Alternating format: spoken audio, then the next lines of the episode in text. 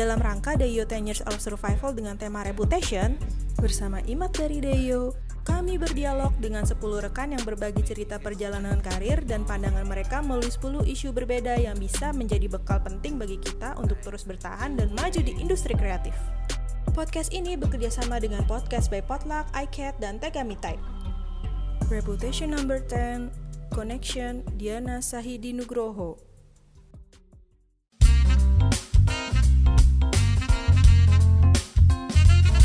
Halo Mbak Diana. Halo juga, seneng banget bisa ketemu lagi. Konnichiwa.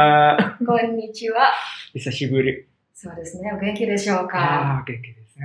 Oke, seneng ah, banget. Ah, yokata. Yokata Ikiteite yokata. Hai. Masih hidup. Masih. Alhamdulillah. Alhamdulillah. Yoroshiku onegaishimasu. Yoroshiku onegaishimasu. Jadi udah itu aja kalau dari saya. uh, jadi uh, bahasa Jepang itu sudah menjadi apa ya keseharian Mbak Diana mungkin ya dari kecil nanti kita cerita-cerita Iya, tentang Mbak Diana yang punya banyak hubungan dengan budaya baik Indonesia maupun Jepang. Kalau sekarang Mbak Diana lagi sibuk apa nih?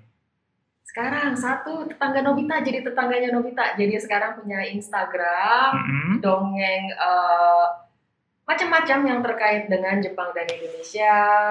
Narasumbernya juga baik teman-teman dari Jepang atau dari Indonesia yang bisa ngobrolin soal Jepang sampai ke hal-hal kecil misalnya apa ya kemarin ada oh ini gorengan dari Jepang gitu masakan-masakan kayak gitu juga ada. Nah itu tetangga Nobita terus ada lagi dongeng untuk Ananda. Oh Nah, iya. itu buku-bukunya dari Jepang. Karena lucu banget sih kalau misalnya apa namanya semoga juga bisa menginspirasi para pendongeng atau pembuat buku cerita dan lain-lain untuk membuat uh, buku cerita anak yang bisa uh, menjadi bagian dari perkembangannya dia, tapi tidak menggurui. Setuju. Mm-mm, Setuju, Banyak karena- banget ya. Itu setiap Rabu ya kalau nggak salah ya. Setiap Rabu Jadi, jam 10. 4 sekarang. Oh jam 4 Sekarang jam sekarang. Karena anak-anak ternyata jam 10 pagi itu banyak yang sekolah. Ah betul. Jam 4 tuh biasanya udah bangun tidur siang, Iya, udah makan, iya, betul. waktunya santai main. Anak saya juga salah satu pendengar setia. Kalau udah Terima bangun tidur siang, suka dengerin Budi panggilannya. Budi, Budiana. Budiana sebenarnya. Eh ada yang manggil Budisang jadinya. Budis. Jadi kayak laki-laki ya. Bukan nama saya bukan Budi. Jadi di at tetangga Nobita.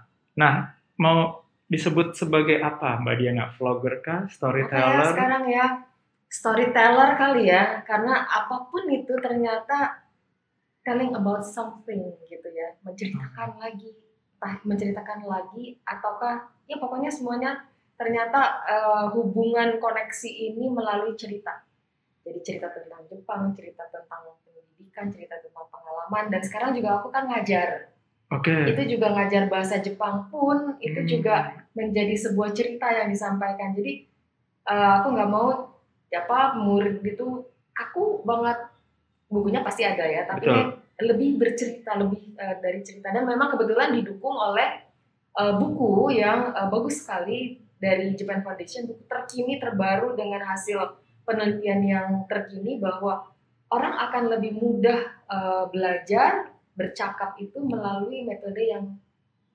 Bercerita. seperti cerita cerita Ah. keseharian gitu itu menarik banget Ada runutannya berarti Mm-mm. ya. Oke. Jadi eh, kalau kita kilas balik, pertama kali ketemu sama Mbak Diana 2016 apa 2015 ya? Saya agak-agak lupa. Iya, antara itu ya 15. Waktu itu, bener. Ingga eh, partner saya mau mengurus aspap. Waktu itu Iya, eh, bener-bener. pindah tangan dari Jana ke pengurusan yang Mbak Zinia di AGI. Iya. Kita main ke eh, kantornya The Japan Foundation Jakarta. Betul ya? Masih di Sumit Mas 1 Sumit ya. Mas 1, Ah, sekarang Sumit Mas 2 ya. Betul. Gitu, masih di Sumit Mas 1. Di situ ketemu Mbak Diana. Ah, ah. Entah kenapa eh, kalau saya pribadi sih lumayan cocok ya. Maksudnya langsung klop gitu ya. Nggak tahu ya, mungkin Satu frekuensi satu frekuensi. kayaknya gitu Ya. gitu. Saya tuh ngerasa kayak waktu itu ketemu teman lama padahal baru ketemu dan alhamdulillah sampai sekarang Iya. banyak petualangan telah kita lalui sampai ke Jepang juga ya. Sampai ngebolang kita. sampai ngebolang. Bener banget. Nah, Iya. jadi eh, ngomongin Japan Foundation Jakarta nih, Iya. pasti akan banyak eh, membahas di Iya. sekitar itu ya, karena Mbak Diana eh, berapa tahun di Japan Foundation Jakarta? 23 tahun. Wow. Uh, lama banget. 23 tahun tuh kalau eh, anak sekolah lulus kuliah ya, Udah lulus kuliah, udah siap kerja. siap Wah. kerja. 23 tahun di Japan Foundation Jakarta. eh, boleh cerita dulu mungkin ya, eh, mungkin dari masa sekolah dulu, Iya. terus hingga akhirnya bisa eh, tertarik dan bekerja di Japan Foundation Jakarta tuh gimana Mbak Diana? Gimana ya? Dulu sekolah, kebetulan eh, ayah saya kan itu bertugasnya berpindah-pindah di Indonesia pun pindah-pindah. Jadi saya terbiasa untuk eh, ganti lingkungan, ganti lingkungan, ketemu teman banyak, teman teman baru dan lain-lain. Terus kami dipindahkan ke Jepang itu tahun 74 SD. Oke. Saya SD kelas 4 umur 9 tahun. Itu masa-masa yang ternyata menurut salah satu brand juga untuk me- untuk memberi pengaruh kuat pada anak itu usia-usia 9-10 tahun Oh. katanya dan terutama lewat rasa kalau rasa makanan itu nempel banget. Nah saya usia segitu ke sana eh, baru mulai masuk eh, masih pra remaja ya tapi di situ memang banyak sekali yang masuk menyerap banyak sekali sehingga saya tanpa saya sadar entah kapan saya udah punya geng. Teman-teman Di Jepang. tetangga. Tetangga tetangga tetangga Nobita beneran. Jadi saya itu banyak main di rumah. Mm-mm. di sekolah juga tapi di rumah juga banyak. Tetangga-tetangga saya itu macam-macam bangsanya. Ada yang orang Amerika orang Jerman orang Afrika orang Ghana Hmm. orang Brazil orang Pakistan orang orang Jerman terus samping itu orang Amerika terus orang Jepang Oke. bahasa pengantar kita ternyata ternyata itu bahasa Jepang ternyata Wah. baru sadar udah belakang kita tuh ngomong pakai bahasa apa ya kok bisa ketawa-ketawa ternyata bahasa Jepang Internasional tapi dibalut bahasa Jepang. bahasa Jepang Oke. Nah, termasuk yang si Brazil si Jerman semua itu bahasa Jepang tanpa tanpa kita sadar ya nah itu jadinya eh, tinggal di sana walaupun di sekolah Republik Indonesia Tokyo ternyata anak-anak kecil di sana kalau main anak kecil ya itu pakai bahasa Jepang. Jadi pas hari pertama tuh bingung kok mereka tuh pakai bahasa yang kayak di TV yang didengar di TV ya di rumah ya. Terus mereka tuh kok bahasa Jepang? Mereka ternyata bahasa Jepang. Anak-anak Indonesia. anak Indonesia. Oke. sesama anak Indonesia anak-anak kecil itu pakai bahasa Jepang. Kalau di kelas pakai bahasa Indonesia. Jadi saya Hmm. jadi aku terpaksa lebih cepat lagi harus bisa bahasa Jepang. Kalau enggak nggak Nggak bisa main. Iya, nggak bisa main. Mereka lebih lebih senang kalau ngobrolnya tuh pakai bahasa Jepang gitu.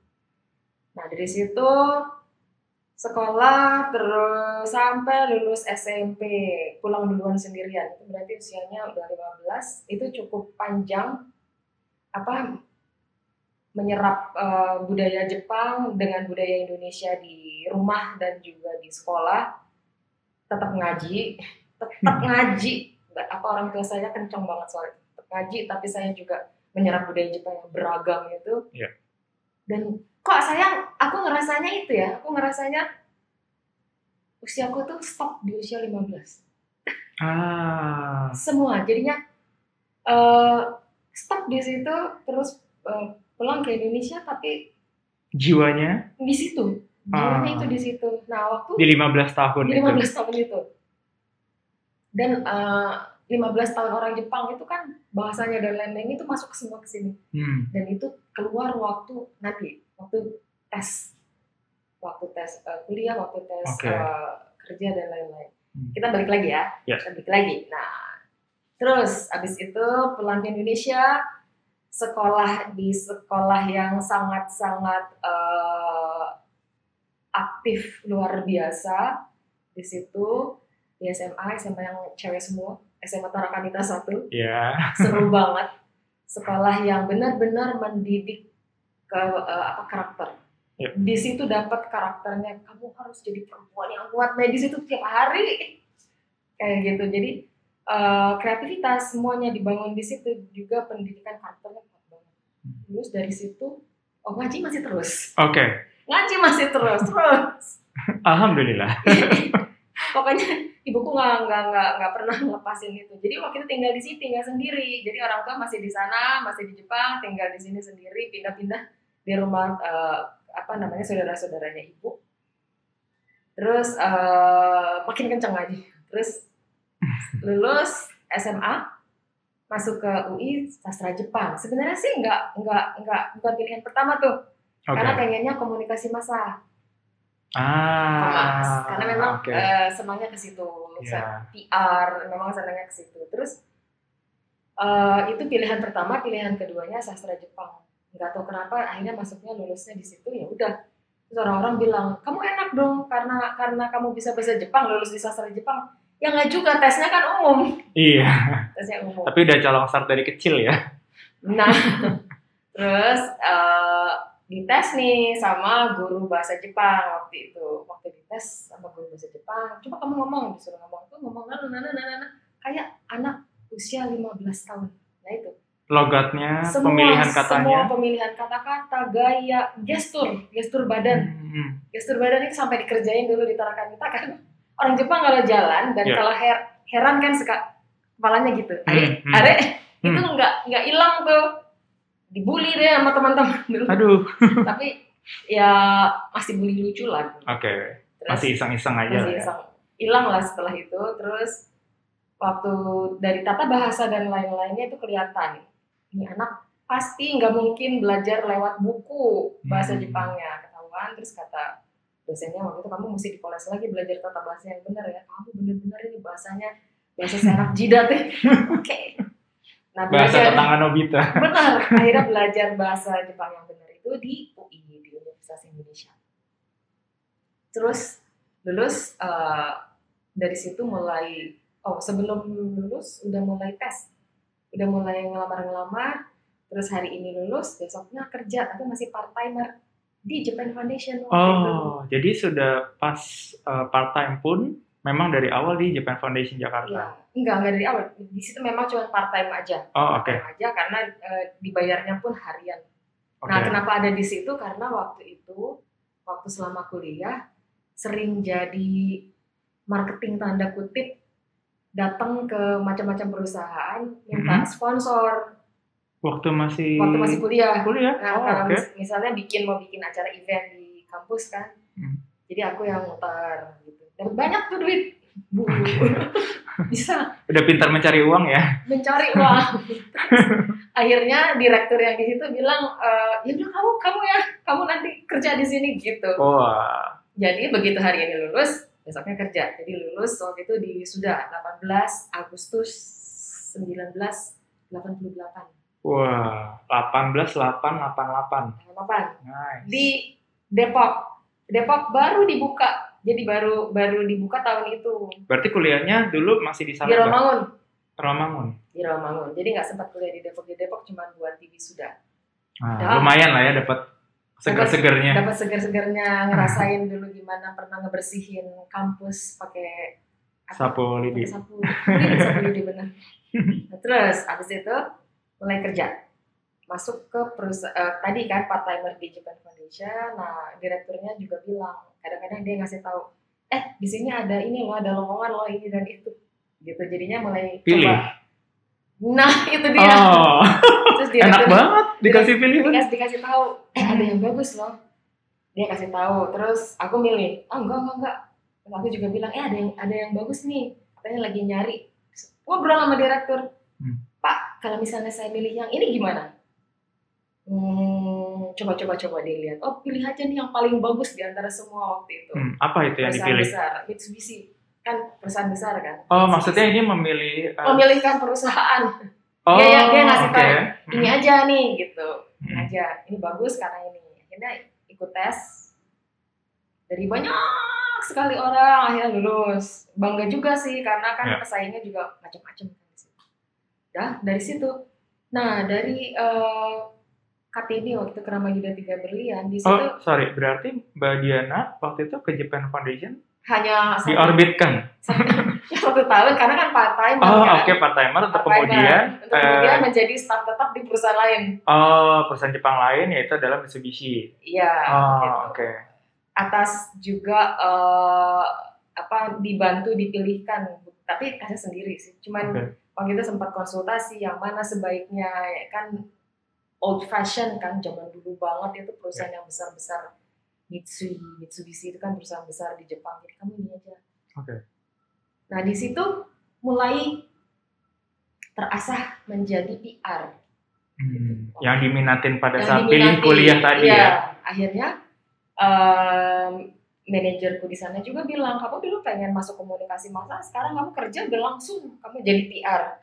Jadi kamu bahkan bisa dua, satu Jepang bahasa Jepangnya oke, terus satu lagi komunikasi massanya juga dapat. Jadi sebenarnya dulu tuh kamu nggak salah kamu masuk di sastra Jepang kata dia gitu. Hmm. Jadi aku langsung kerja sebagai PR. Jadi eh, bagaimana bikin press release, undang pers, terus bikin wawancara-wawancara, walaupun waktu itu belum sampai disuruh bicara di depan TV. Oke. Cuman yang bikinin konsep aku yang bikinin ini, ini, ini, ini, Hmm. Mobil yang baru segala macam. Sampai waktu ada apa ya? Rally Paris Dakar dan lain-lain Mitsubishi kan kuat tuh mobilnya. Betul. Lancer Ya. ya. Lancer Hmm.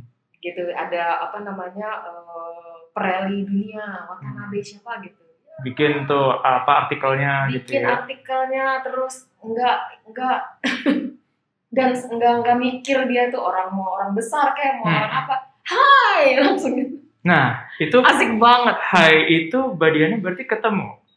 ketemu ngobrol makan bareng cerita bareng ini dan itu dan ini dan itu jadinya selama dia di Indonesia selalu, selalu bareng sama dia Ini menarik nih dari Hai-nya Hmm. ini. Kalau kita bicara tentang koneksi itu kan salah satu cara memulai Iya, koneksi ya. iya Hai-nya Mbak Diana ini apa memang murni dari rasa percaya diri atau pandangannya gimana sih kalau ketemu orang baru? Apa langsung ah kenalan aja ah apa gimana? ya itu ah kenalan aja seru nih kayaknya gitu. Kalau akhirnya nggak seru ya mundur pelan pelan tapi kalau akhirnya seru kayaknya oke nih gitu diterusin.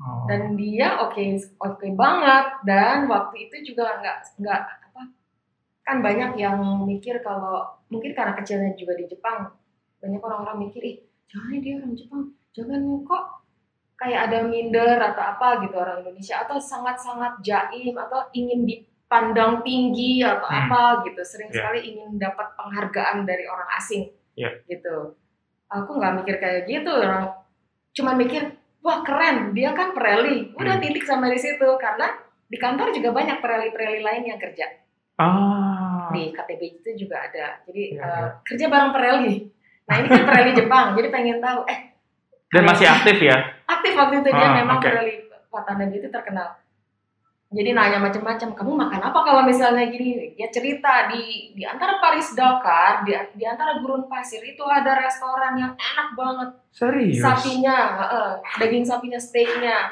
Nah kalau kita ke situ tuh harus pakai helikopter, tapi kan saya naik mobil. Jadi ingat Oh, banget dia cerita seperti itu. Berarti Jadi, dia melipir dong? Di tengah-tengah gurun itu ada. Iya iya iya, dia melipir ada kedai ada gitu. kedai, ya. Dia bisa mobil ke situ. Itu cerita-cerita menarik gitu memang kalau kenal sama orang-orang dengan profesi unik juga ya. Salah satunya pereli tadi ya. Kan mikir gimana sapinya dibawa ke sana kan? Tengah itu. Sapinya dibawa pakai helikopter. Oh gitu. Dan memang untuk mensuplai para pereli. Ya orang orang-orang ternyata ada tamu-tamu VIP yang kalau makan tuh ke situ dan katanya eh, paling enak di dunia. Kata dia. Oh, mungkin karena dia capek, capek lelah, lah tiba-tiba ada steak. iya di tengah gurun pasir. Gitu. Itu kata Watanabe. Wow. Kemudian dari Mitsubishi, dari Mitsubishi itu eh, dan juga sangat termasuk apa ya pegawai yang suka oh banyak sekali di situ eh, belajar budaya Jepang beneran. Karena selama ini kan di Jepang sebagai anak-anak bagaimana kita eh, apa ya behave menjadi seorang staff. Waktu itu bunyi teng teng teng teng. Asik pulang. Anak baru namanya. Hmm, terus pulang. Dan pulang juga langsung dengan dengan Hai Osaki ini si Surishima sampai semua isi kantor tuh tahu si Osaki ini dipanggilnya gitu. Osaki. terus aku pikir itu kan udah jam 5 pulang dong ternyata bukan begitu caranya. Oke, gimana tuh caranya? dipanggil. Oke dipanggil. Kamu kenapa pulang jam 5 bukan ada belnya bunyi. Polos ya. namanya juga anak baru masuk umur 23 terus bukan begitu. Kamu lihat atasan kamu udah pulang apa belum? Ah, oke. atasan saya. Belum belum pulang emang kenapa? Kan kerjaan saya pun jam 2 udah selesai. Aku bilang gitu kan. Enggak budaya Jepang nggak seperti itu. Lihat atasannya udah pulang atau belum? Kalau belum pulang kamu mesti nungguin sampai dia pulang. Ya mulai besok besoknya akhirnya apa nggak pulang pulang jam lima nggak pulang jam lima maghrib maghrib di kantor setelah, setelah itu bilang gini tapi dasar lagi aku kan suka selonong gitu. Nongol lah di ruang direktur. Hai kalian ini nggak pulang-pulang ya? Kalau kalian nggak pulang saya tuh nggak boleh pulang. Gitu katanya. Terus mereka kaget Ma- Oke. Gamblang sekali ya. gamblang banget sampai akhirnya gini. Eh kamu oh ya eh, waktu itu staf perempuan cuma satu. Di bagian marketing cuma aku sendiri. Oke. direktur direkturnya di sebelah sana di ruang direktur. Sampai direktur bilang kamu duduk di sini. Duduk sini. Iya duduk di sini. Kamu ngeliat kita kerja. Kamu duduk di sini. Terus saya ngapain? Ini ada koran kamu baca diam Zaman itu belum megang handphone ya. enggak enggak punya handphone ada Oke. handphone akhirnya baca koran terus kan ada kanji yang nggak ngerti mulai nyolek Nanya. Pak, Pak, Pak, Pak, ini bacanya apa? Diam. Kita lagi kerja, kamu nanya-nanya. Ya habis disuruh duduk di sini. Nanti lompat-lompat dong ceritanya nggak dapat. Jadi nggak utuh berita korannya. Pokoknya, pokoknya begitu, tapi nya eh enggak takut, enggak sungkan, Oke. dan jadi apa ya? Mereka semua baik banget ya, baik banget. Akhirnya makan siang itu biasanya kan nggak makan siang di tempat eh, apa di tempat staf umum. Gitu. Aku suka lewat situ terus mereka, aku suka gini-gini, hai gitu kan. Terus mereka nanya kamu lagi apa? Mau makan? Ada itu di atas meja situ tuh ada free kakek, bagi dong. Itu itu para direktur tuh. Iya, mejanya direktur tuh ada free kakek. Jadinya abon, buan cabenya Jepang. Ah, buat taburan nasi ya. Terus aku belok situ sama mereka dipanggil. Udah gini aja, bawa tuh makannya ke sini. Duduk sini, makan bareng. Ayo bareng makan. Tapi dari dari seluruh interaksi setelah jam pulang tadi, ujung-ujungnya memang nggak pulang sebelum atasan ya? Ya. Atau pernah ada pulang duluan atau? Bilang, saya karena gini gini gini gini gini Oke. gini gini. Akhirnya gimana ya caranya bosen banget. Oh. Terus akhirnya ini ikut jemputan. Jadi alasannya, saya kan ikut jemputan. Jemputan saya udah nongol tuh di situ jadi bye semuanya gitu. Osaki ini si, si Sureshima. Kembali lagi jadi si Osaki ini. dan akhirnya dipanggilnya si Osaki ini. Dan eh, sangat-sangat bandel dan kurang ajar juga sih sebenarnya. Terus eh, keseharian itu kayak gitu. Wah banyaknya pokoknya heboh setiap hari heboh. Ada cerita bikin cerita dan sering sekali itu dalam tanda kutip akhirnya sebenarnya kayaknya disetrak deh itu duduk di situ. Oh gitu. Sebenarnya ya, cuma nggak ngerasa. Kalau dipikir-pikir kayaknya disetrak deh itu duduk di situ. Hari ini baru kepikiran ya, ternyata Baru dulu kepikiran. disetrap. Disetrap itu. Terus abis itu eh ini apa namanya? Kayaknya ada yang harus ada more challenging apa ya? Kayaknya nggak seru. Kerja Gitu. di tempat Iya, yang waktu itu. Kayaknya ada lagi yang lebih seru. Coba ah, ikut tes. Astra buka ini, Lowongan. buka lowongan. Wah ini challenging banget nih. Kenapa challenging menurut Mbak Diana? Perusahaannya kan lebih besar lagi di Indonesia kan. Ah, oke. grup besar di Indonesia terus bilang lagi bapak saya itu eh, saya punya pacar. Pacar saya tuh di Astra gitu. Terus "Oh ya terus kenapa? Saya juga pengen coba tuh masuk Astra. Boleh nggak? Bego banget cerita lagi sama direktur direktur itu. Oke. mereka kan kesel kan? Heeh. mereka bilang coba aja. Gitu udah mulai sini coba aja. Terus akhirnya aku ikut tes kan satu dua tiga empat lima. Eh bisa loh saya lulus loh lulus beneran saya lulus. Ya Hmm. ampun dia bilang ini kalian kamu apa sih? Beneran saya lulus. Jadi eh, terima kasih. Terus akhirnya pindah. Atsukare sama Deshita. sebenarnya ih itu saya kalau misalnya aku sekarang punya anak buah kayak gitu kayaknya harus diajak ngobrolnya lebih panjang. Digital.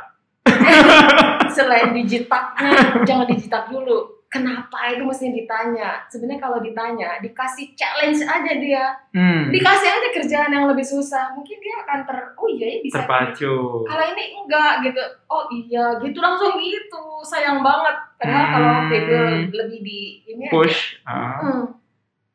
soalnya aku bilang tiap hari saya jam 2 saya udah bengong nih udah bengong nih kayak gitu Anak banget. waktu itu nah terus eh, lulus lah lulus kan. Wah Masuk terus Astra. masuklah. Masuk waktu itu eh, manajemen trainee angkatan ke-16 Wow. gitu semuanya gitu. Weh hebat hebat. Terus ngerasa wih hebat keren. Kerja di situ? Bosan Sama juga seperti di tempat sebelumnya. iya bosan ini lebih cepat lagi bosannya karena lebih banyak harus nerjemahin kan. Terus Hmm. datanglah ke ruang direktur nggak nggak pakai kan manajer lagi. Ampun dulu tuh bener-bener masih muda ya sangat bergejolak.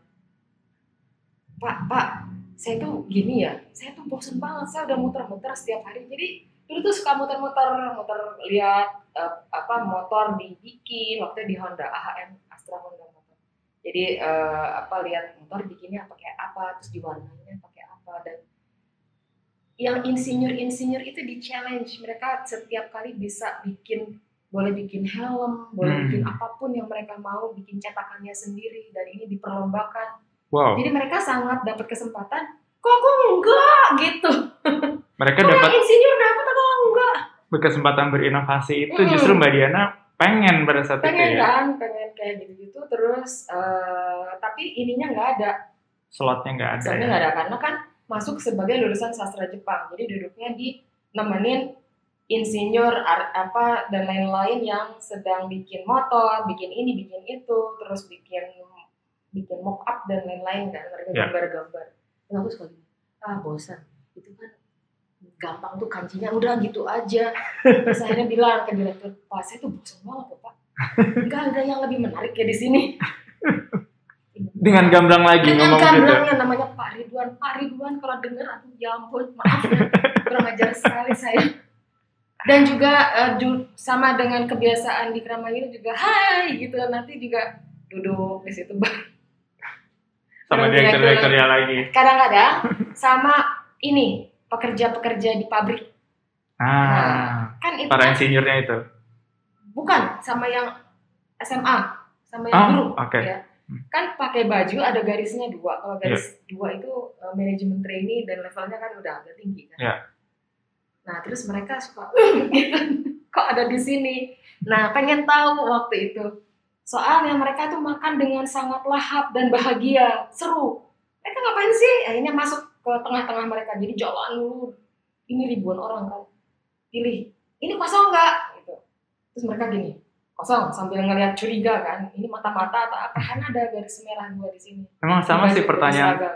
Pertanyaan saya juga Mbak Diana ngapain waktu itu? Ngapain kan pengen tahu selalu kalau ngelihat dari atas kok mereka makannya seru seru banget dan makanannya itu banyak jadi eh, apa ada menu A menu, menu B menu C dan ada yang makanannya enak-enak dan segunung Wah, porsinya porsi nasi padang lah ya. Nasi nasi padang memang bener-bener nasi padang. Hmm. Iya. Terus itu ikutan makan, terus mulai di nanya-nanya wawancara kan.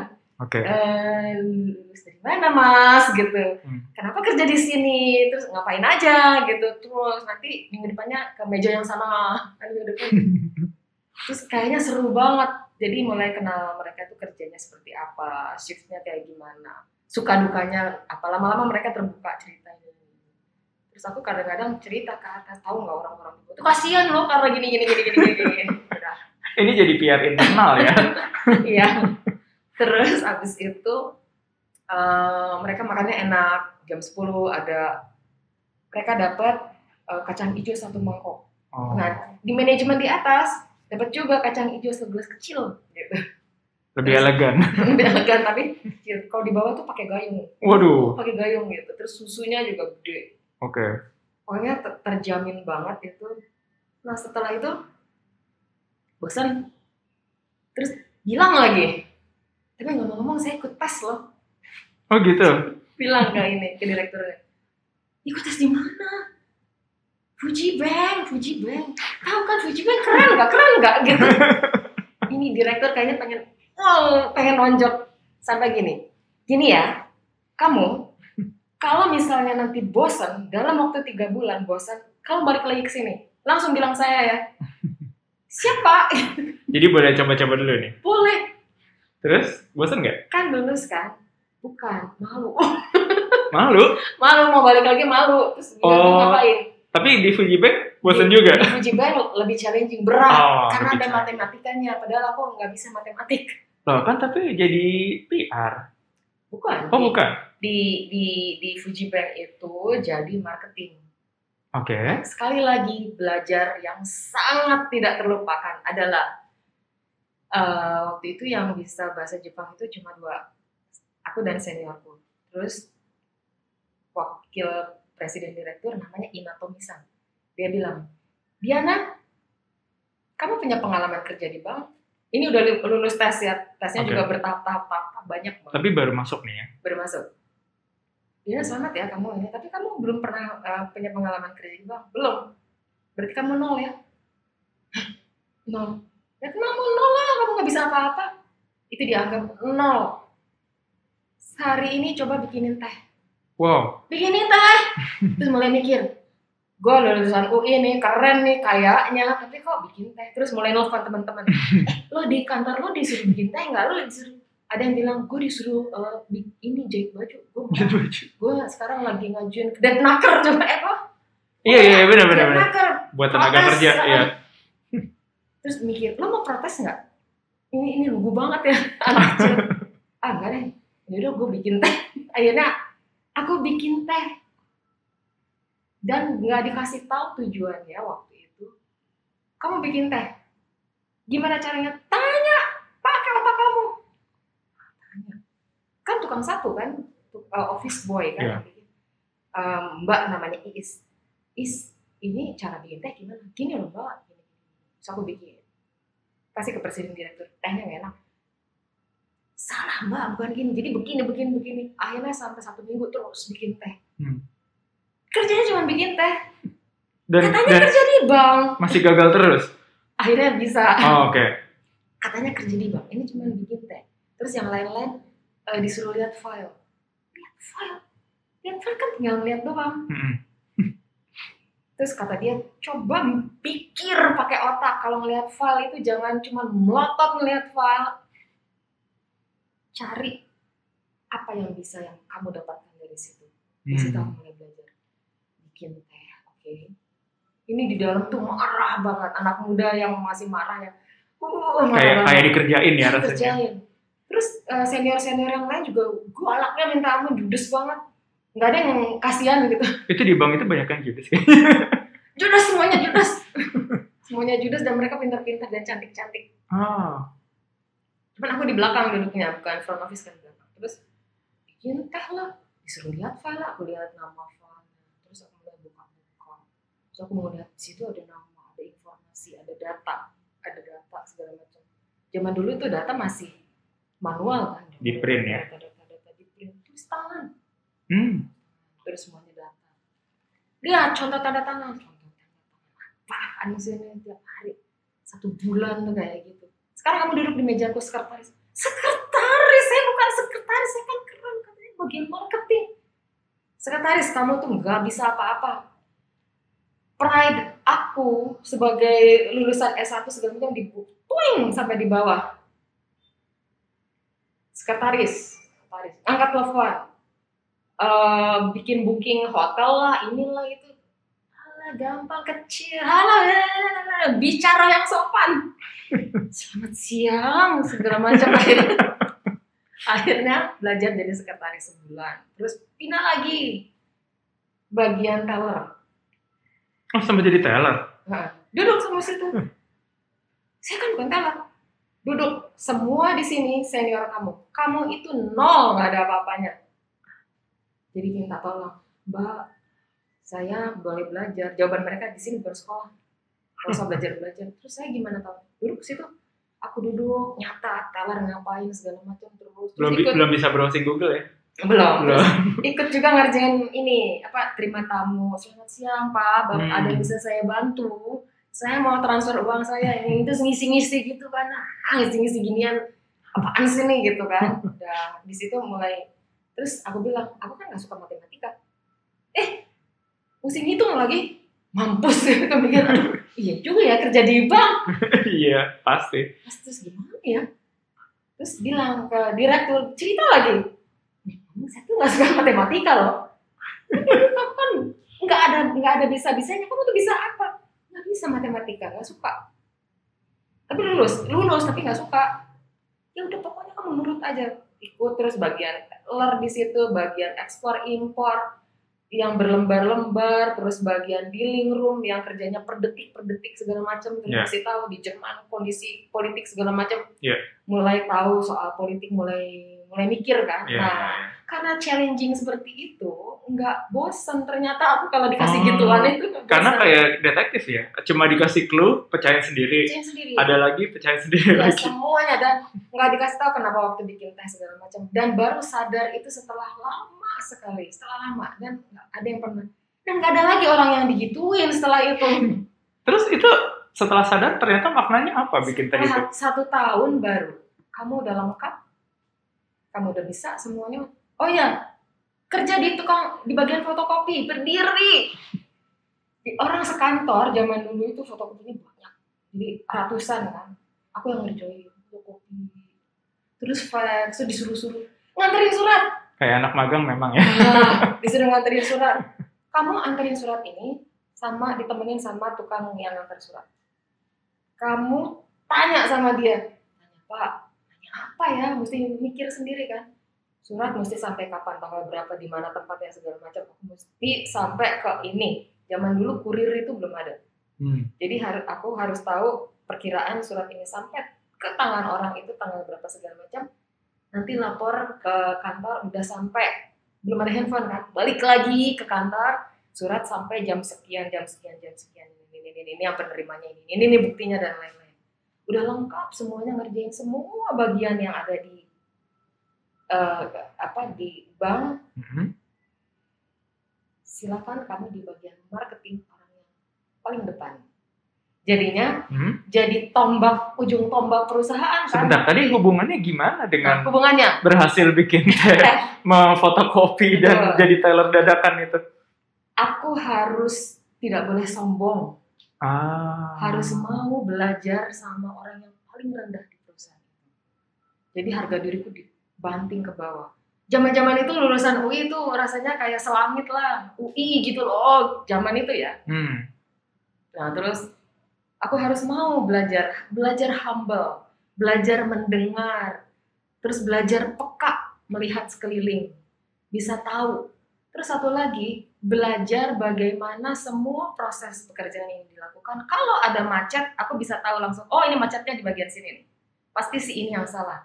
Oh ini di bagian yang dealing room. Ini pasti ngerjainnya nggak tepat waktunya sehingga eh, berimbas flow, iya, pada yang lain keuangan ini tidak jalan. Oh kalau gini gini gini.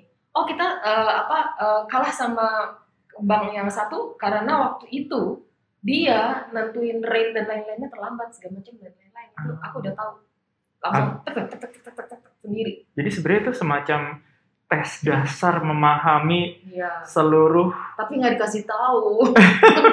seluruh proses di bank itu gitu ya iya dan itu kesabaran itu mesti yang sabar banget. jangan-jangan bosnya dikasih tahu bos Mbak Diana sebelumnya jangan dikasih tahu kalau enggak dia nggak punya challenge Jangan dia bosan lagi. Nah aku di situ bener-bener sampai hampir lima tahun.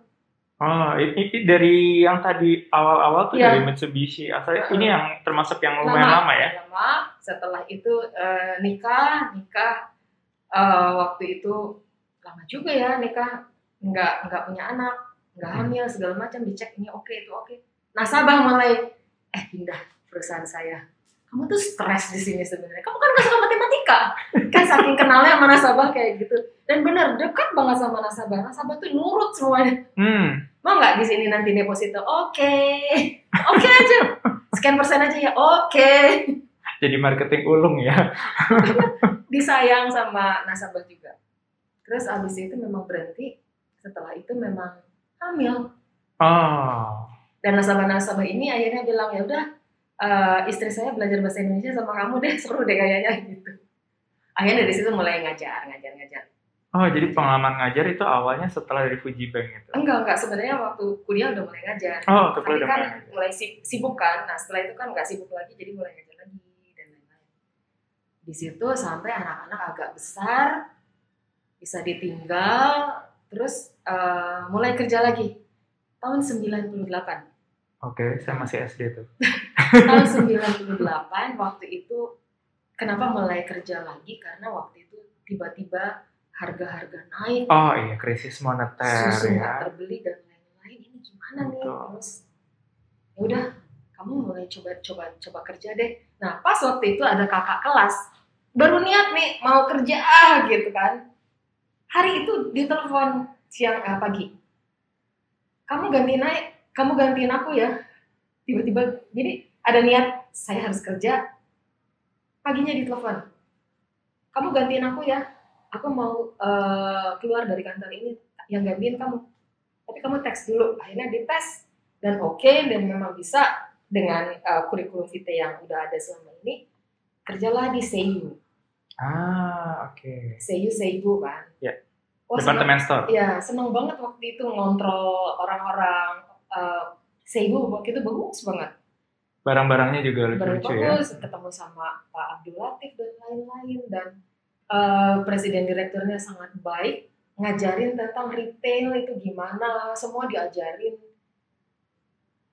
Jadinya bisa ngontrol dan lain-lain. Pokoknya seru seru banget dan bisa ikut berkembang. Tadinya ingin berkembang bersama Seibu waktu itu. suatu hari baru kerja menjelang enam bulan itu gejolak ini kan. Terus kata mereka begini Diana kita nggak bisa bertahan. Kantor ini akan tutup. Hah, tutup? Baru kerja. Padahal lagi Baru senang-senangnya. lagi senang lagi mulai belajar. Terus eh kami pulang semua ke Jepang. Ini kunci kamu ngurusin semua. Akhirnya, akhirnya ngurusin pajak dan lain-lain Ah, dan ah. lain-lain Penutupan itu ya. penutupan semua. itu dan hari terus kata mereka kamu mau kerja di mana nanti saya akan rekomendasikan deh dikenalin nih ke semuanya termasuk ke Plaza Senayan Oke. sama Plaza Senayan mereka udah oke banget udah seneng banget tapi ada bayi-bayi ini di rumah gimana Hmm.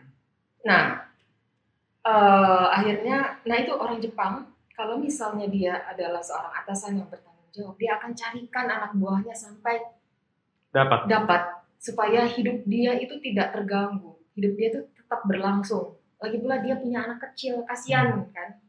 Gitu, akhirnya dicariin. Kamu kan pernah di bank, oke boleh nih, boleh pilih nih, ada Daiichi Kangyo Bank, keren gitu. Terus ada satu lagi perusahaan apa lupa, itu lagi Plaza Senayan baru dibuka Hmm. di Plaza Senayan. Di Plaza Senayan eh, ceritanya wawancara cuma satu jam menjadi empat jam Wow. ngobrol, ngobrol. Wah, wah, wah. Empat jam? Iya, terus kata mereka enaknya diapain nih? Enaknya ya Pak, ini perusahaan ini mestinya digini. Lagi Mulai. grass-grassnya tuh ya. Mulai mestinya ada ini, mestinya ada ini, mestinya ada ini. Akhirnya ya udah kamu bikin divisi sendiri. Kami ingin kamu yang kerja di sini dengan divisi baru. PR plus plus gitu kan. Hmm. ya mikir ini anak-anak gimana, anak-anak bayi. Nggak mungkin perusahaan yang baru maju ini mau ditinggal-tinggal. Kalau ngerjain proyek kan sampai malam, sampai malam ini anak anak-anak gimana, masih terlalu kecil. Nah, sebelum itu juga di hari terakhir di kerja di Seiyu itu pas buka koran, pas buka korannya di tengah, set, gitu. Nggak halaman 1, 2, 3. Buka, lihat Japan Foundation lagi buka lowongan di Kompas tuh ada Ah, oke. terus nelfon cuman Foundation beneran lagi buka iya lagi buka. Hari ini ditutup hari ini terakhir. Ah hari ini terakhir. Buru-buru bikin Ah, bikin lamaran. Datang datang sendiri ke sana. Langsung hari itu juga. Eh ya nganterin lamaran. Terus eh, besoknya tes. Nah waktu di tes itu masih kantor saya itu belum tutup banget. Jadi masih dalam proses mau tutup. Oke. jadi tes di Plaza Senayan segala macam udah. Itu seberang-seberangan dong ya berarti ya. Ah. Nah, Oke. waktu itu hari itu mereka tuh teman-teman di kantor lihat aduh bajunya jelek banget sih lo. Gitu. kan seiyu seibu itu kan banyak baju. Contoh kan? Betul. nih nih nih pakai. Ingat banget didandanin pakai ini. Oh bukan bukan. Kenapa didandanin waktu itu bawa jamu jamunya tumpah. Ya. jamu tumpah di sini basah semua sampai kantor. Gimana nih mau tes hari ini? Tesnya kan siang. Ya udah kata teman-teman nih pakai baju ini terus semuanya didandanin pakai baju sampel. Semuanya dari bawah ke atas sampel dari Seiyu. Terus kata mereka kita semuanya berdoa untuk Diana. Doain ya. Gitu. Terus mereka doain semua. Presidennya juga semua ikut ngedoain. Semoga diterima. Karena yang ngelamar waktu itu ada 500 sekian orang. Wow, termasuk hits ya. Berarti Banget. ya pada masa itu ya. Terus waktu ikut dites lihat kiri kanan selama ini kan udah seneng banget udah di atas angin tuh waktu di bisa diterima di Daiichi Kangyo Bank bisa diterima di Plaza Senayan Dengan rekomendasi dari atasan iya kan tadi udah ya. langsung privilege langsung ke presdir ini dari bawah sama rame-rame sama orang-orang tes Oh, karena dari lowongan dari koran. nah Tanpa ada rekomendasi. nggak ada gitu Oke. ini bukan yang direkomendasikan terus eh, mereka bilang kamu kalau misalnya masuk perusahaan ini ini gajinya kecil loh kecil banget kita tahu nih kata presiden direktur terus orang Plaza Senayan ikut campur tangan iya kamu jangan milih dia kan kamu udah mau di kita gitu kan mikir anak saya masih kecil tapinya gitu Pembagian Belum. waktu dan Ah. ininya ya. belum tahu kan ini lulus apa eh akhirnya ternyata lulus ya ternyata lulus gimana dong terus datang ke Plaza Senayan ternyata saya lulus pertimbangan saya adalah anak saya masih kecil. Beneran nih masih beberapa ini ditelepon dari Singapura. Udah kamu masuk situ aja. Nggak usah masuk. Kamu bisa atur deh waktu. Nggak mungkin. Saya nggak mau memberikan sesuatu yang bukan yang terbaik dari saya. Saya nggak mungkin kerja sepa, apa dengan waktu pendek terus tiba-tiba "Eh, maaf ya saya izin ya gitu. Nggak bisa. Sedangkan kalau di uh, Japan Foundation waktunya waktu itu jam 4 udah pulang Oke. gitu kalaupun lembur tuh belum nggak terlalu panjang waktunya waktu itu ya Ya. sekali lagi catat waktu itu Waktu itu. kondisi masih seperti itu terus mulailah aku kerja di eh, apa di Japan Foundation dengan eh, yayasan yang namanya lembaga dengan keadaan yang ada tapi aku senang sekali senang homey banget Itu di tahun berapa Japan Foundation? Tahun 98 Oh, masih di tahun 98 Iya. ya? Oke. tahun 98 Merasa homey karena merasa homey karena semua yang dikerjakan melulu nggak ada angkanya Oh, oke.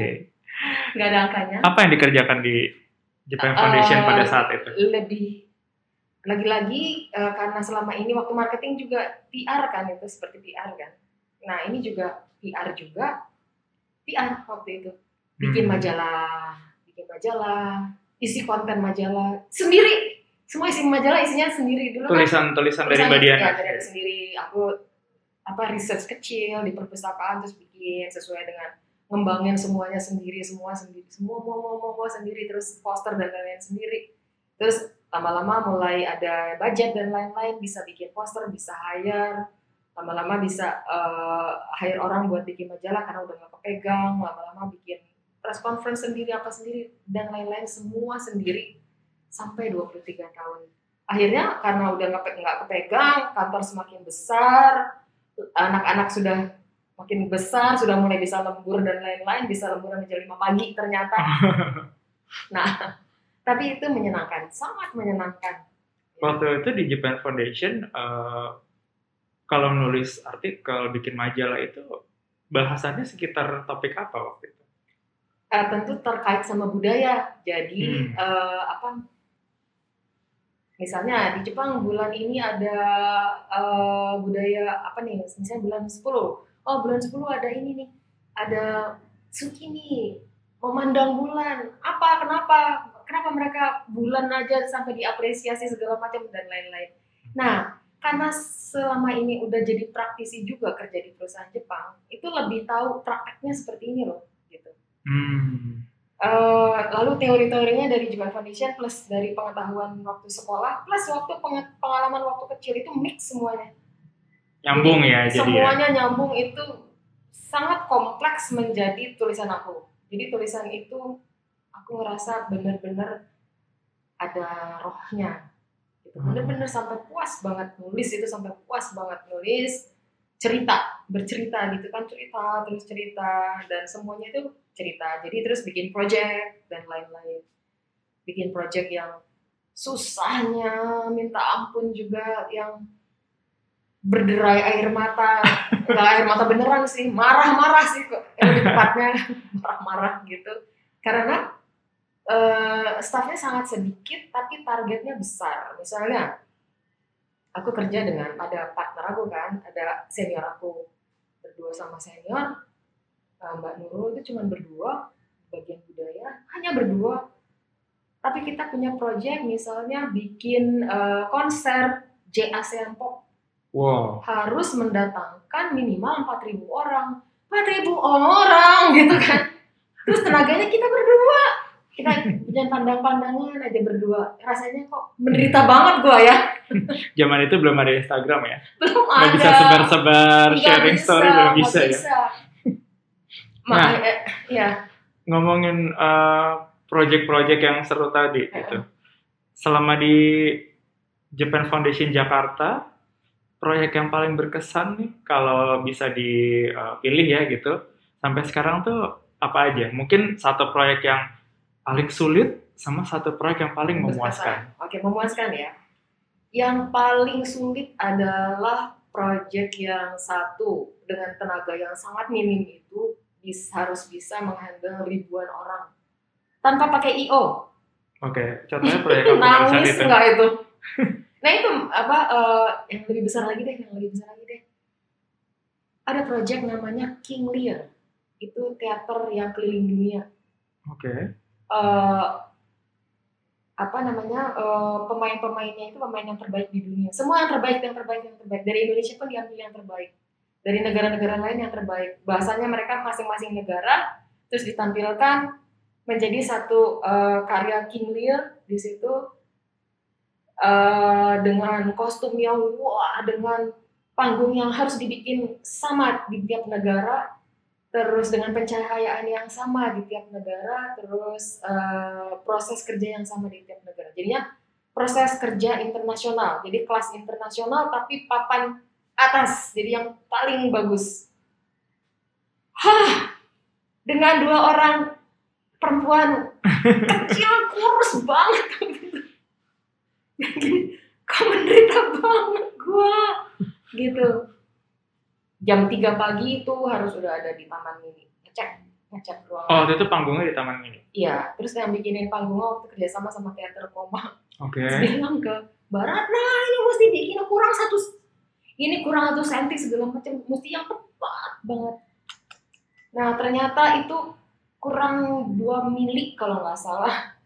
Efeknya adalah kan nggak ngerti nggak kan nggak ngerti sistem tata panggung segala macam itu. Belajar di Japan Foundation banyak jadi belajar ke tata panggung tata cahaya tata suara tata suara. Kalau itu berubah hanya walaupun hanya dua mili si artis ini kan dia keliling dunia kan ke Eropa ke Amerika ke Asia Asia Pasifik. Dia udah tanpa ngelihat dia udah lari nyiung nyiung nyiung mesti lari ke sana kemari. Hmm. kurang dua mili jatuh karena kan uh, kurang dua mili memori otot dia sudah di situ hafal kan, itu ya. kan latihannya tiga tahun.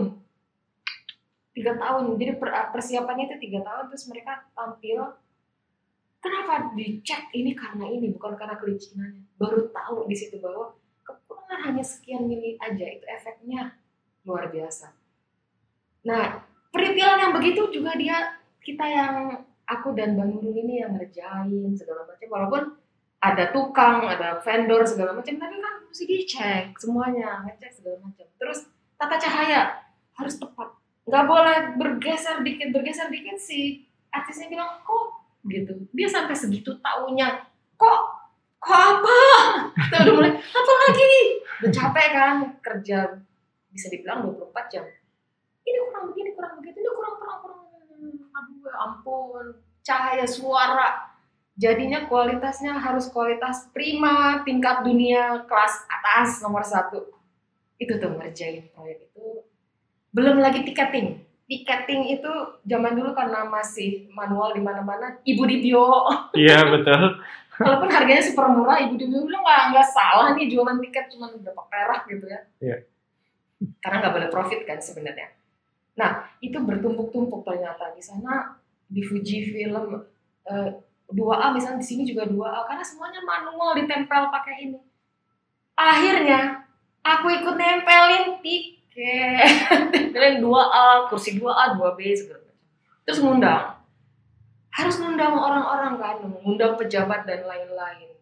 Bagaimana belajar bagaimana menempatkan si A itu di sebelahnya harus si B. Karena kalau misalnya secara kenegaraan hubungan negara ini sama hubungan negara ini ini kurang bagus. Jadinya harus begini harus begini itu juga ditanganin jadi Mister ini harus duduknya sebelahnya Mister ini dan pejabat Indonesianya harus ini karena eh, peta hubungan Indonesia sama negara ini begini begini begini begini itu gimana ngumpul? Pemetaan politik mempengaruhi pemetaan Betul. posisi Duduknya tempat di duduk.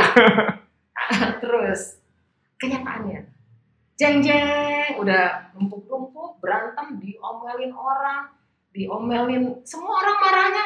Kedua orang ini perempuan. Dari divisi budaya ini berdua ini. iya, siapa lagi memang itu mereka person in charge-nya. Diomelin, diomelin. Jadi terbiasa diomelin, dimaki orang, dimaki dalam literal, dimaki gitu, gitu. diomelin wartawan lah segala macam, diomelin artis yang kuku saya belum digunting, sebel banget. Terus guntingnya gini lagi, Tangannya diangkat Iya, gitu ya, ala-ala gitu. princess. Nah, aku kan mesti nyariin. Terus tiba-tiba si artis bilang, nggak mau Arif, eh, minum yang ini, mau yang ini. Mesti ada. segala. Nanganin yang seperti itu, belum lagi penonton yang berulah. Belum lagi undangan-undangan VIP, VIP, yang sangat-sangat-sangat berulah. Nggak datang. Oh iya, sedangkan itu kalau kosong itu jelek kan betul itu teman-teman itu langsung dan itu mempengaruhi peta perpolitikan ya, dunia mempengaruhi satu dua artistiknya jelek yang ketiga si pemain-pemain uh, kelas atas papan dunia itu dia akan sedih dia akan sedih mainnya jelek akhirnya kerjasama sama teman-teman kan teman-teman bilang lu duduk di sini ini ini ini ini ini ini harus diisi harus diisi oh. Akhirnya bisa dan semuanya teratasi, terus uh, pertunjukan berjalan, oke lah segala macam lah, untung kita nggak pingsan. Ampun deh, tiga hari, eh dua hari tiga hari, itu pertunjukan yang terbesar di Indonesia pun yang terbesar dan termegah dan sangat sukses waktu itu. Wah, semua koran yang ada di Indonesia tuh luar biasa. Jadi Wah, hari ini Mbak Diana ini adalah salah satu orang yang mewujudkan eh, pagelaran itu pada hari iya itu ya. betul. Sampai nangis sampai enggak enggak nangis enggak pernah nangis. Sampai udah deh kalau dipikir-pikir gila banget itu kita berdua. Itu yang paling besar dan kompleks sekali masalahnya luar biasa. Tapi yang paling sukses dan berkesan kan banyak sih yang sukses banyak dan semua orang juga eh, tanggapan dari masyarakat Indonesia itu semuanya positif buat Japan Foundation yang paling eh, sukses ini dan sangat mengena di hati itu sebenarnya aspak. Eh? sebenarnya aspak. Kenapa aspak?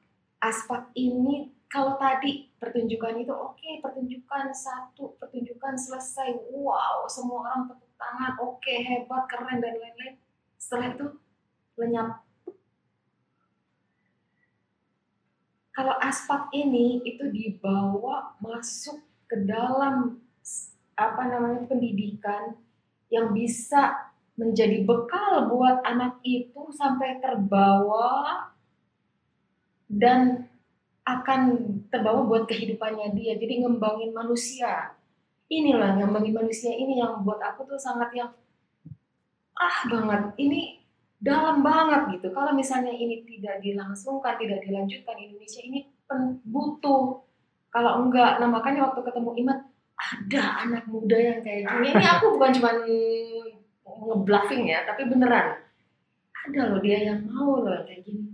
Hah, sampai yang ini yang buat aku yang kerasa banget gitu sam karena dia eh, apa ya ilmu yang didapatkan itu bisa bisa sustain berlanjut ke kehidupan dia ke Indonesia ke masyarakat Indonesia ke negara Indonesia keseluruhan yang sebenarnya. Ini sedang dibutuhkan. Hai Indonesia sadarlah aku selalu bilang tuh.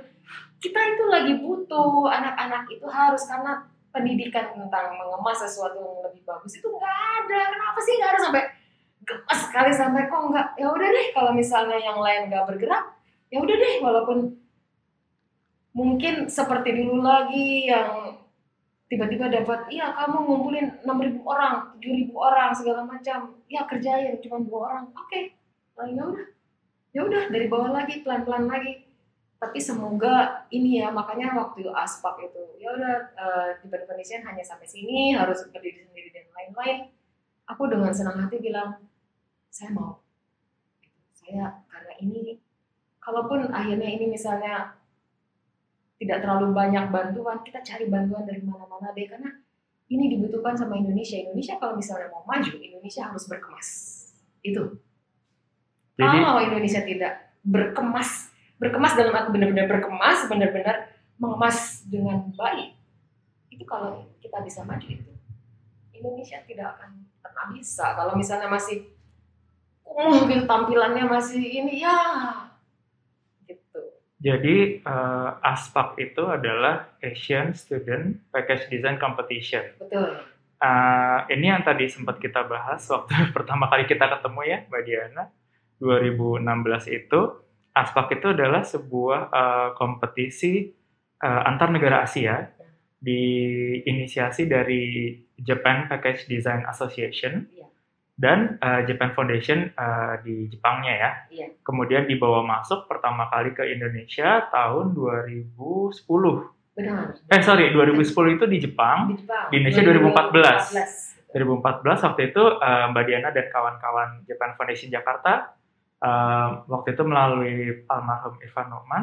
Iya. Kemudian kerjasama uh, untuk mengadakan pameran pertama ya Iya. Gitu. Nah kemudian 2016 uh, Aspa kerjasama dengan Adi, kebetulan uh, Ingga uh, partner saya waktu itu uh, ditunjuk untuk uh, mengurus Aspak sebagai koordinator iya. gitu 2016 hingga Betul. terus akhirnya berlanjut sampai kita membentuk uh, Komite Aspak Indonesia. Hmm. Kemudian juga di 2019 setelah ya. Mbak Diana pensiun dari Japan Foundation Jakarta bergabung juga di uh, Komite Aspak Indonesia. Iya. Gitu hingga hari ini ya. Semoga kita uh, sedang menunggu nih apakah tahun ini akan diadakan kembali iya. Aspak karena juga animonya masih sangat uh, ditunggu-tunggu oleh teman-teman mahasiswa terutama buat rekan profesional juga biasanya bisa saling uh, sharing dan uh, menyampaikan kondisi industri terutama desain kemasan.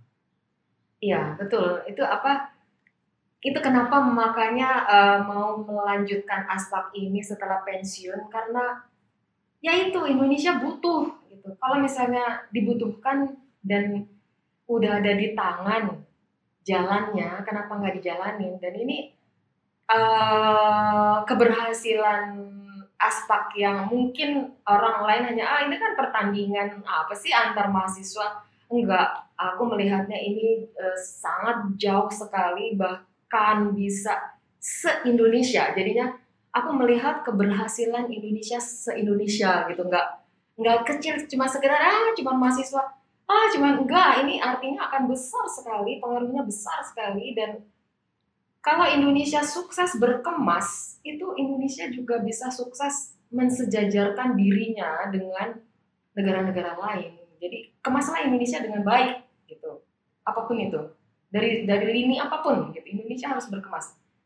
Kita harus bisa uh, tampil apa namanya sederajat sama yang lain itu yang sebenarnya uh, kedengarannya muluk ya, tapi tidak apa-apa dari hal yang sangat kecil yang kelihatannya kecil dan mungkin juga tidak diperhatikan sama orang tapi kalau misalnya kita continue terus Uh, ini juga aku udah pernah sampaikan ke Fumio Sasada yang membangun aspak yang pertama kali inisiator dari Jepang.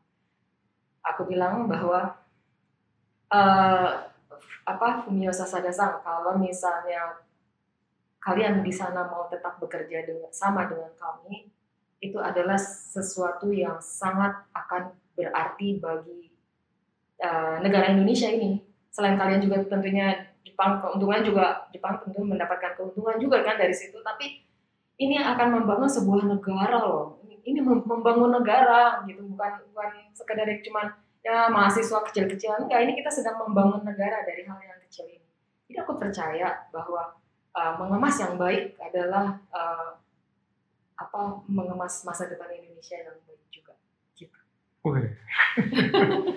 Jadi di Aspak para pesertanya itu dari teman-teman mahasiswa, teman-teman pelajar, uh, di mana mereka berkompetisi secara nasional dulu untuk kemudian nanti dipilih oleh juri di Indonesia, ditunjuk beberapa pemenangnya. Uh, sebelum pandemi mereka akan uh, melakukan kompetisi final di Tokyo.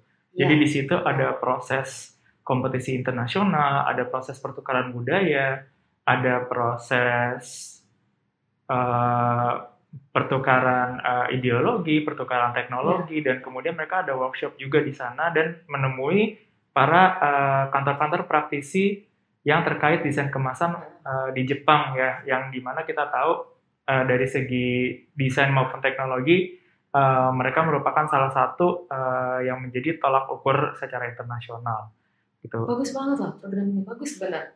Anak-anak itu uh, anak yang berangkat sebelum berangkat ke Jepang dan yang setelah berangkat setelah pulang dari sana itu mereka menjadi anak-anak yang berbeda.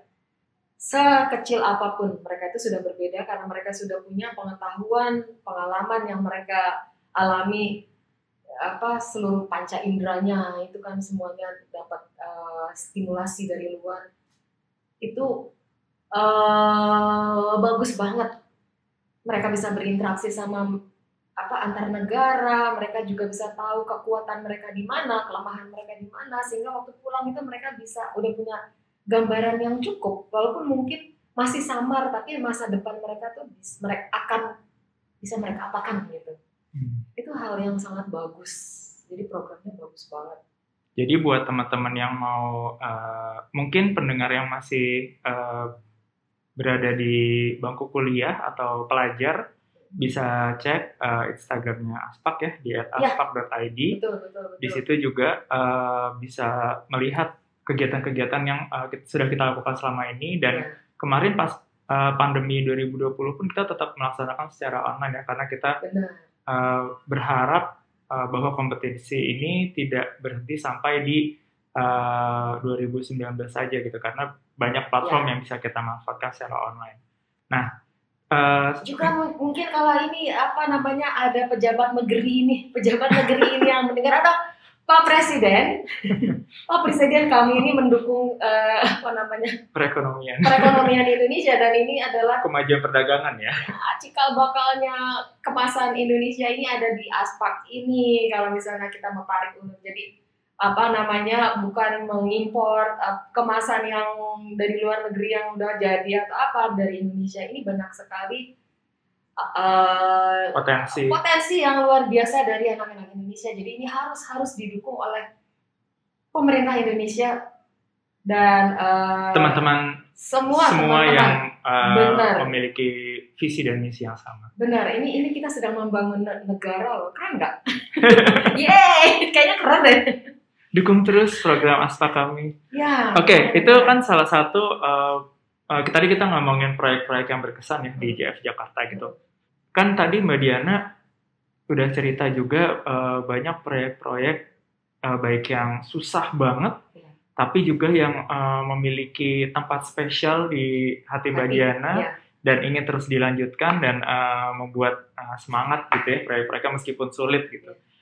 Uh, dalam menjalin koneksi demi kelancaran proyek-proyek ini ada nggak sih kiat-kiat tertentu gitu? Mungkin nggak tahu ya kalau dari uh, Japan Foundation, mungkin dari budaya Jepang, apakah ada tata cara untuk uh, menyampaikan sesuatu kepada uh, calon sponsor atau berkenalan hmm. dengan uh, para teman-teman perusahaan lain atau bagaimana? Apa ya, ini agak sulit kalau misalnya hal-hal yang umum kayak bagaimana meng, apa bagaimana menghadapi orang itu supaya dia apa supaya dia setuju atau enggak kan pasti kalau sama-sama ada equal ya ya, kepentingannya ada dia juga kepentingannya juga apa namanya terpenuhi itu mungkin bisa. Tapi kayaknya lebih ke manusianya deh yang paling pentingnya Eh, banyak juga apa namanya eh, partner atau apa eh, kalau kita dulu kerjasama ya pihaknya kerjasama yang orangnya sulit orangnya yang menyulitkan yang tidak tepat waktu misalnya seperti itu. Dan eh, karena aku kan selalu bawa Jepang kan waktu selama kerja di Japan Foundation itu dan di belakangnya itu kan pasti ada seniman Jepang atau ahli-ahli Jepang atau pakar-pakar orang Jepang dan lain-lain yang harus dipertemukan dengan pakar Indonesia, seniman Indonesia dan lain-lain. Perbedaan cara berpikir ini yang luar biasa sulit sebenarnya. Nah, kita sebagai orang yang ada di tengahnya itu harus bisa menyamakan visi mereka. Jadi kalau misal, jadi misalnya satu seniman sama satu seniman yang lain itu nggak akan nyambung kalau misalnya kita tidak bisa menjelaskan sejelas-jelasnya ke mereka bahwa eh, ini loh apa namanya yang dimaksudkan tuh seperti ini. Kalau kita salah aja nyampain salah juga. Terus kalau misalnya ada yang tersinggung aja, wah itu bisa batal apalagi kalau seniman udah manyun, udah proyeknya selesai, ngejalan. Nggak bisa kan, jadi kita harus yang bisa cari jalan tengah dan lain-lain itu mm, mesti apa ya Humble. sabar, humble, mau mendengar, mau mendengar aja, mau, mau Hmm. mendengar aja itu juga udah termasuk humble. Soalnya kita kan mau mesti, mesti ngedengerin, mesti mau misalnya dia keduduk posisinya di sini, kita harusnya lebih rendah lagi. Kalau mereka posi- posisinya di bawah, di bawah misalnya harus mau lebih rendah lagi itu saya udah, aku udah pelajari dulu kan, belajar dari tukang si OB itu yang minta-minta tolong. Dari belajar bikin teh. belajar gitu. teh itu startnya itu dari situ belajar bikin teh di situ benar-benar udah dibanting jadi ya eh, untuk eh, berhasil ya kita mesti mau mendengar. Dan cara untuk bisa uh, sampai pada kesadaran tadi, kesadaran untuk menjadi humble, kesadaran untuk uh, mau mendengar, itu mungkin caranya macam-macam ya gitu. Jadi Banyak. buat teman-teman yang mungkin lagi magang, yang lagi menjadi junior atau part time, uh, suka disuruh yang aneh-aneh, mungkin saja itu merupakan salah satu ujian yang nanti menjadi bekal untuk bisa menjadi Betul. orang yang uh, seperti Mbak Diana mampu mengkoneksikan event-event internasional yang luar biasa tadi gitu. Pernah capek nggak sih Mbak Diana ngurusin orang-orang, ngurusin event, ngurusin apa Semuanya. ya? Iya semuanya itu. pernah lah ya namanya capek tapi eh, capeknya cuma capek fisik ya nggak eh, nggak nggak nggak sampai sakit hati atau apa enggak karena selalu berpikir bahwa kita memang berbeda gitu.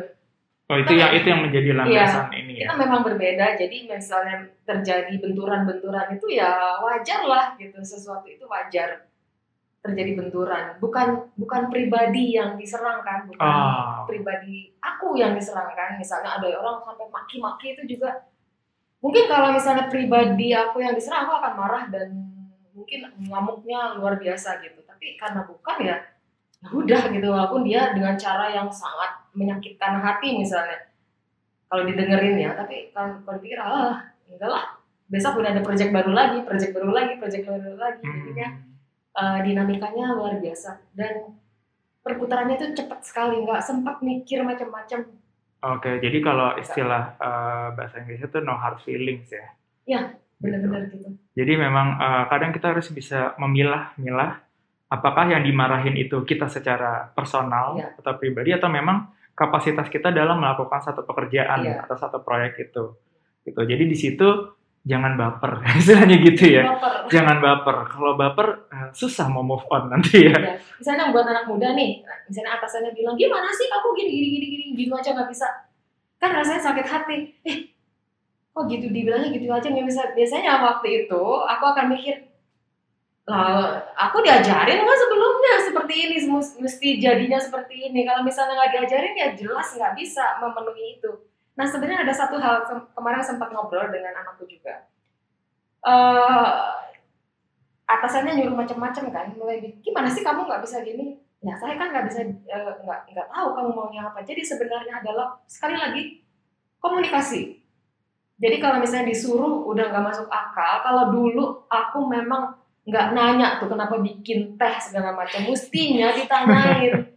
Karena kan bersungut-sungut waktu ngerjainnya.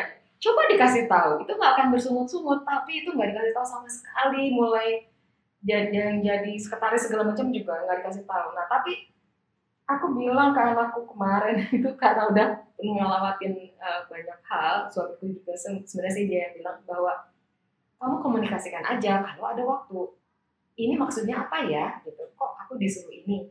Gitu. Itu adalah hak kita buat nanya. Tapi biasanya kenyataannya kan nggak sempet mana ada atasan itu setiap saat bilang kamu disuruh ini karena gini gini gini karena akan mengembangkan kamu gini gini gini kan nggak nah gitu kadang waktunya eh, nggak uh, sempat kesempatannya nggak tepat gitu ya, ya betul gitu jadi, jadi sebenarnya uh, semuanya ada ada ada manfaatnya oke okay. itu tuh nah tadi kita udah banyak banget ngebahas eh, masa-masa uh, Mbak Diana uh, aktif uh, dan bekerja, terutama porsinya paling banyak tuh di Japan Foundation Jakarta. Yeah. Lepas dari Founda Japan Foundation Jakarta, uh, bisa dibilang pensiun pada saat itu. Terus kemudian setelah uh, pensiun dari JF Jakarta itu, emang udah ada rencana mau jadi storyteller, mau bikin tetangga Nobita? Enggak, enggak ada jadi sebenarnya uh, setelah pensiun itu punya rencana untuk menjadi interpreter, interpreter. Sampai udah bikin kartu namanya, sampai udah bikin kartu namanya, udah bikin pokoknya bikin kartu nama deh, pokoknya keren deh bagi-bagi. Terus oke, okay, interpreter itu kalau misalnya ada kliennya kan, sekarang pandemi. Tidak bertemu orang. Tidak bertemu orang. Oke. Okay. Terus orang bilang, siapa kamu? Gitu. Nggak ada yang kenal yang namanya Diana itu nggak ada yang kenal. Orang cuma kenal Japan Foundation dengan nama yang besar sekali. Kalau dibilang Japan Foundation oke. Okay. selama pegang kartu nama Japan Foundation nunjukin kartu nama itu orang akan oke okay, mau masuk mana pun. Tadi kan kalau misalnya bagaimana men menjalin hubungan dan lain-lain dengan adanya kartu nama itu sangat mudah. Nih mau masuk kantor pemerintahan mau mau ketemu waktu itu siapa Eh, nggak uh, sempat ketemu presiden sih. Aku waktu itu lagi sakit jadi nggak ketemu presiden. Itu dengan mudahnya nunjukin ini oke okay, oke okay, oke okay, jalannya itu gampang sekali karena udah punya nama besar. Dari pengalaman saya juga sejak ketemu uh, teman-teman Japan Foundation dan Mbak Diana uh, saya juga belajar teman-teman di DIO juga belajar bahwa selalu bawa kartu nama. Penting gitu, gitu. sebenarnya uh, mungkin terutama buat uh, orang Jepang itu merupakan satu norma ya Ya. Satu uh, adat datang, kemudian uh, bertukar kartu nama dulu, ya. terus kartu namanya diposisikan di meja sesuai urutan duduknya. Ya budaya tuh. Jadi ya. tidak lupa. Ya. Biasanya kan orang cuma salaman nama nama terus pas duduk lupa. Iya. Gitu. Nah akhirnya itu uh, selalu nempel di saya juga dan saya belajar uh, pertukaran budaya itu dan akhirnya memang betul kartu nama jangan pernah lupa. Itu ya, bikin dong kartu nama anak-anak muda jadi waktu itu lebih pede kan pakai kartu nama. Kartu nama buat orang Jepang tuh penting banget karena satu uh, orang kan selalu dilihat dari kemasan. Kalau misalnya kemasan kita sangat sederhana, udah gitu mukanya juga sangat, sangat sederhana, nggak cakep, misalnya nggak cakep jauh deh orang nengok juga enggak, udah gitu kecil banget, pendek lagi udah ah udah deh nggak ada apa-apanya deh lo gitu. Udah gitu uh, misalnya gelap banget. Jadinya yang terang juga nggak kelihatan misalnya. Misalnya seperti itu. Bukan bukan orang yang seperti model yang tinggi yang otomatis semua orang yang bersinar yang gitu bersinar, ya. Bersinar yang berkain neon.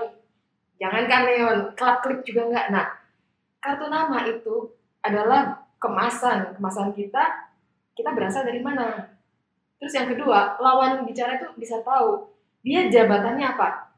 Jadi jangan sampai salah. Uh, misalnya lagi rame-rame, jangan sampai salah memposisikan diri kita gimana terhadap orang lain dan kita memposisikan dia di mana. Terus kalau misalnya kita uh, menanyakan sesuatu nggak salah, misalnya ada orang yang keren banget ternyata dia masih junior di situ, sedangkan di sampingnya yang dekil, yang kecil, yang diam aja dari tadi. Karena orangnya memang pendiam misalnya. Dia sebenarnya decision maker. Kalau ada kartu nama kita langsung ada ke si decision maker itu gimana pak? Gini gini gini gini gini gini nih.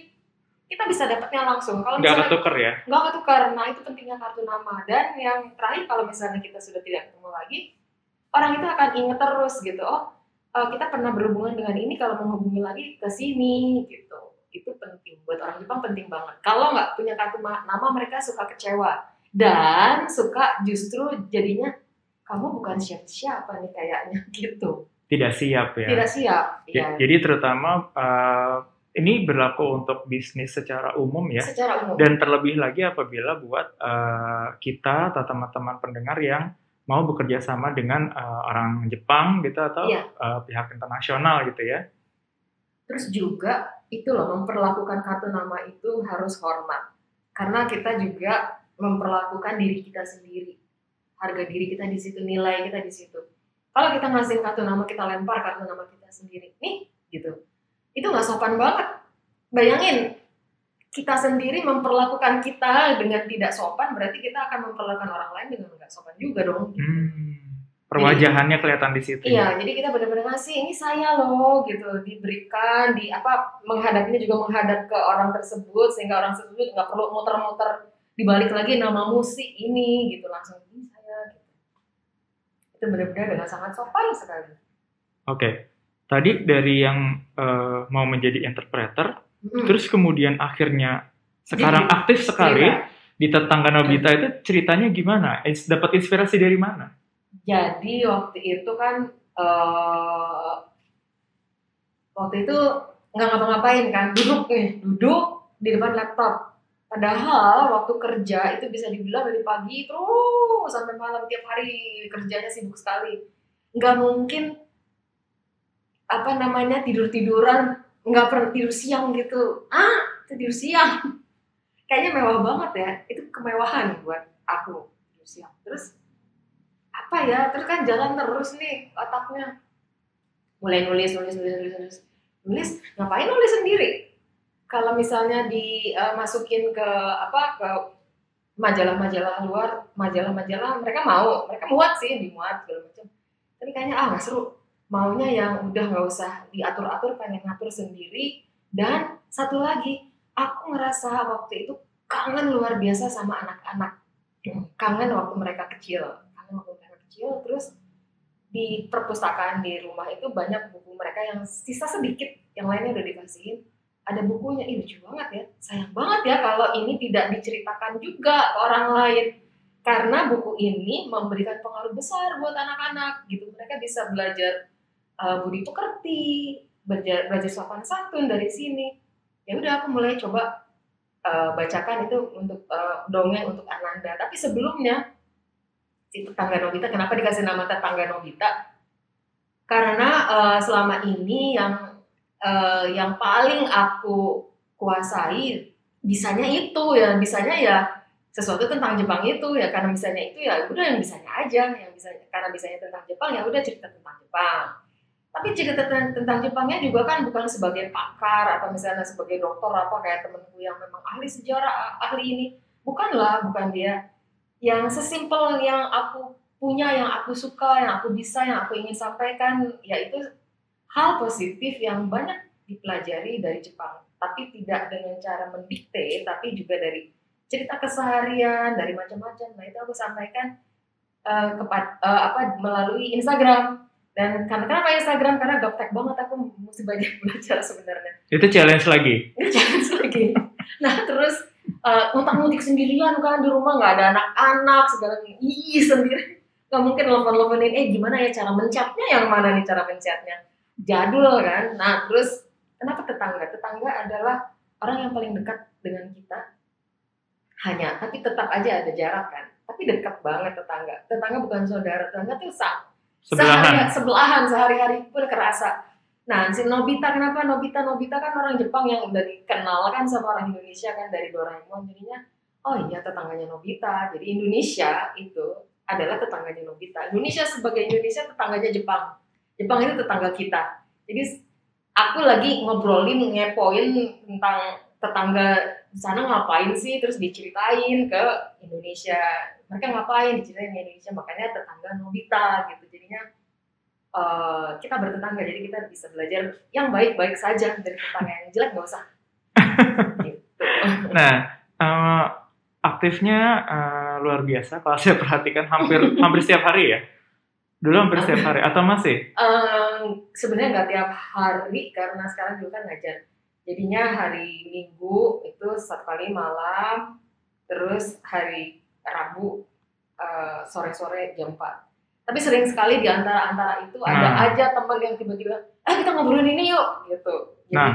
Jadi di tengah-tengah itu eh, seminggu bisa 3-4 kali Bisa, ya. live dari tetangga Nobita ini kembali mendapat koneksi baru dari situ. banyak koneksi baru jadi sebenarnya eh, ah, gimana cara gimana tahunya bahwa itu koneksi baru kan eh, baru-baru ini kan ulang tahun.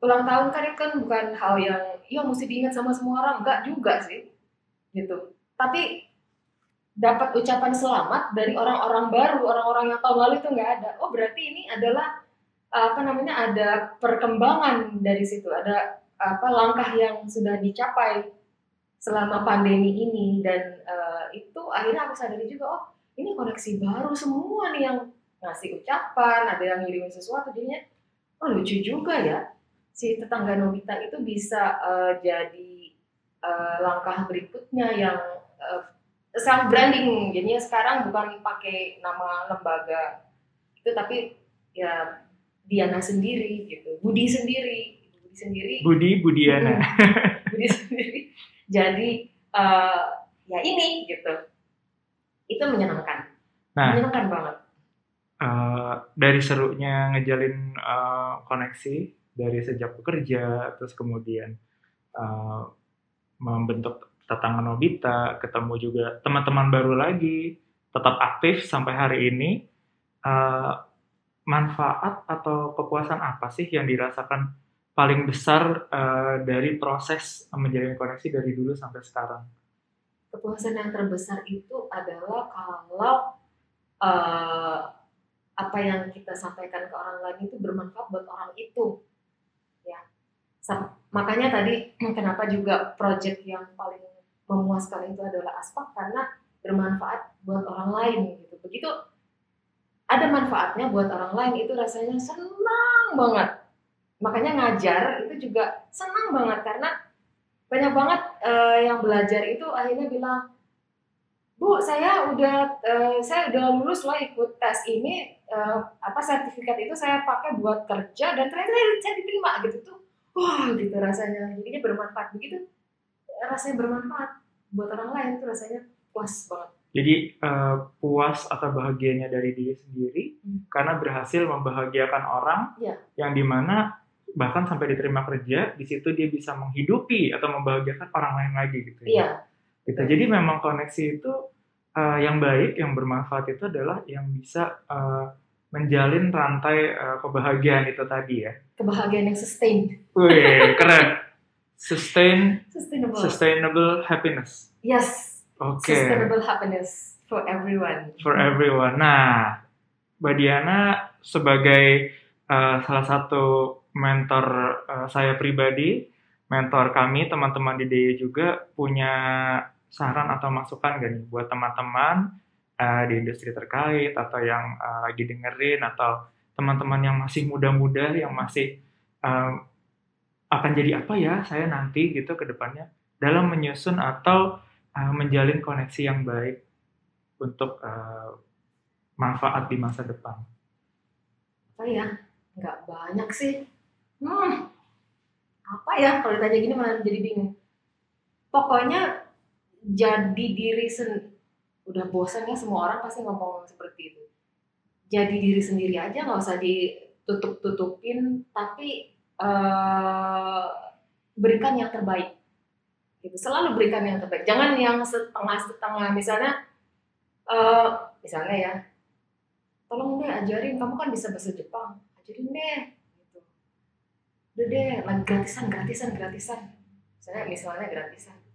Atau misalnya berbayar murah nih berbayar murah udah ya sebisa bisanya aja deh. Aku paling nggak mau itu sebisa bisanya misalnya kayak nerjemahin komik. Udah terjemahin komik deh. Waktunya empat hari. Nggak mau aku bilang. Aku mau perlu waktu. Setidak-tidaknya dua minggu karena itu harus dicari bener-bener artinya segala macam. Ah nanti juga nyambung ceritanya. Nggak bisa kayak gitu. Dan itu ada loh ternyata terjadi terjadi di beberapa komik di Indonesia sampai waktu itu aku bilang ke perusahaan penerbitnya bahwa ini salah loh ini salah ini salah ini salah. Terus pernah juga ada penerbit datang aku coret salah salah salah salah, ini salah salah salah salah salah. Harus benar-benar kalau misalnya memberikan sesuatu itu yang terbaik. Dari dirinya sendiri misalnya bisa lebih baik ya berikan yang terbaik. Itu yang terbaik dan jadi diri sendiri aja. Nah, untuk memberikan diri yang terbaik itu sama juga seperti ya kita harus mem memperbaiki, mengemas, mengemas diri. Mengemas diri ya. Mengemas diri, mengemas dirinya itu harus bagus gitu. Mempersiapkan bekal ya. untuk diri sendiri ya, juga ya. Itu jadinya harus dari yang disukai, yang bisa itu akan keluar dari dalam dengan sendirinya dengan sangat bagus. Dan itu nggak akan nggak usah takut jangan orang-orang suka bilang gini ah itu kan ilmu mahal loh jangan nggak usah dikasihin jangan takut uh, tersaingi seperti itu karena nggak akan ada yang sama. Kalau kita dari diri sendiri ya karena nggak akan ada yang sama walaupun kembar juga nggak ada yang sama. Kalau kita benar-benar dari diri kita sendiri hasilnya yang uh, outputnya ini benar-benar unik dan nggak ada duanya. Hanya ada di dia misalnya. Hanya ada di Deo gitu. Hanya ini nggak mungkin di tempat lain ada gitu. Jadi uh, itulah aku pikir sih itu aja ada yang lain luar biasa senang banget bisa cerita-cerita berbagi pengalaman hari ini dapat banyak wejangan buat kami-kami yang masih uh, berjuang jangan pernah bosen gitu aja Iya, itu bosan. Juga. Aku tadi bilang bosan ya, aku bosan tuh. Kalau bosan ada, iya. kalau bosan pasti ya, tapi kan jangan pernah berhenti.